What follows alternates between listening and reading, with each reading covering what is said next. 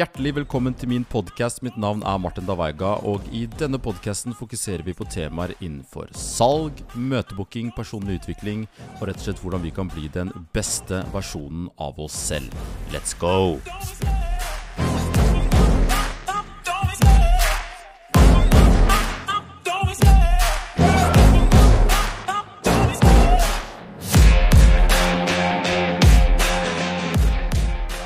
Da var det tid for episode nummer 15, og i dag så skal jeg snakke litt om dette med å etablere og bekrefte behov. Fordi nå er det faktisk sånn at 80% opplever at selgere er pushy. Eh, og det var også en undersøkelse fra Zippia som sier at bare 3% stoler på selgere, og at 13% tror at en selger vil forstå behovene deres, noe som er veldig lavt.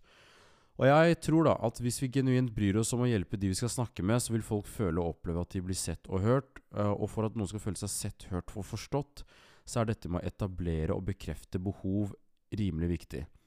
Og det kan være utfordrende for oss eller du som jobber med salg, fordi det innebærer eh, først og fremst å kunne aktivt lytte og forstå kundens situasjon og ønsker.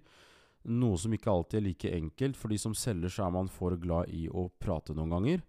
Og for å kunne etablere behov hos en kunde, så må du som selger være en god lytter. Dette innebærer at du er oppmerksom på hva kunden sier, følger med i timen, og at du stiller spørsmål for å forstå hva de egentlig trenger. Og dersom du som selger klarer å danne deg en god forståelse av kundens situasjon, kan du også bedre tilpasse tilbudet ditt og vise at du har forstått kundens behov. Og det å bekrefte behov hos kunden er like viktig, og det innebærer å sjekke at kunden forstår hva de trenger, og at de er enig i at tilbudet du som selger har gitt dem, dekker deres behov. Dette kan gjøres ved å stille spørsmål som er dette det du trenger, eller er dette en løsning som vil fungere for deg? Eh, på denne måten kan du som selger sikre at kunden forstår behovet sitt, og at de er enig i at tilbudet du har kommet med, er dekkende.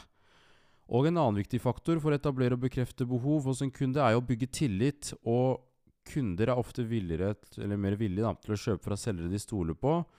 Og dette er jo helt avgjørende for å få kunden til å forstå og akseptere behovet sitt. At de stoler på deg.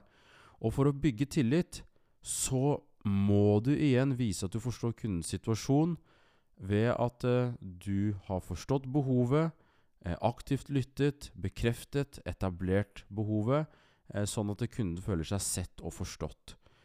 Så alt i alt så du en, jobber du med salg, så handler det om å være en god lytter, stille gode spørsmål, og du bygger tillit gjennom å etablere og bekrefte behov, eh, kan jeg si i korte trekk. Så hvis vi trekker dette her til et veldig konkret eksempel da, på hvordan man kan etablere og bekrefte behov, på telefon når du skal avtale et salgsmøte, så kan jeg ta et live eksempel for dere her.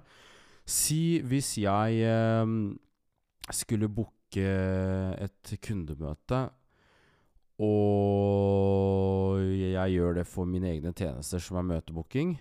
Da ville jeg sagt f.eks.: Hei, det er Martin som ringer fra Leadjabber her. Du, grunnen til at jeg tar kontakt, er fordi jeg lurte på om dere har kapasitet til å ta imot flere kundemøter enn det dere går i i dag. Det spørsmålet er for å etablere behovet. Hvis de sier ja, kjempebra. Eh, da kan et annet spørsmål være eh, Har dere kapasitet til å ta på dere f.eks. 10-20 ekstra møter i måneden? Da bekrefter de behovet mitt hvis de sier ja.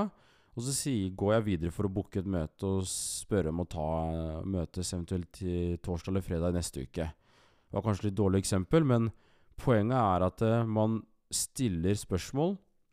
Og første spørsmålet var har dere kapasitet til å gå i flere kundemøter enn det dere gjør i dag. Etablerer behovet. Måten bekrefter det på. Ok, uh, dere, kan dere ta på dere 10-20 møter i måneden? Si ja. Da bekrefter man behovet.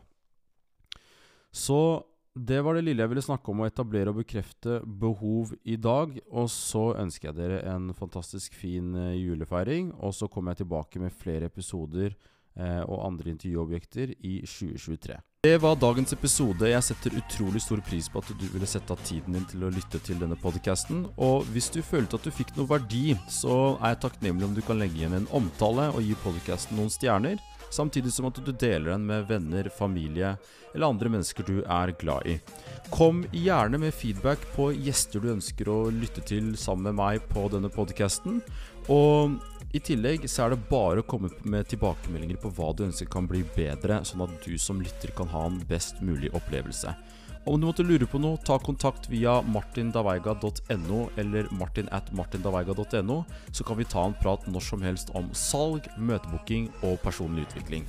Ha en fantastisk fin dag.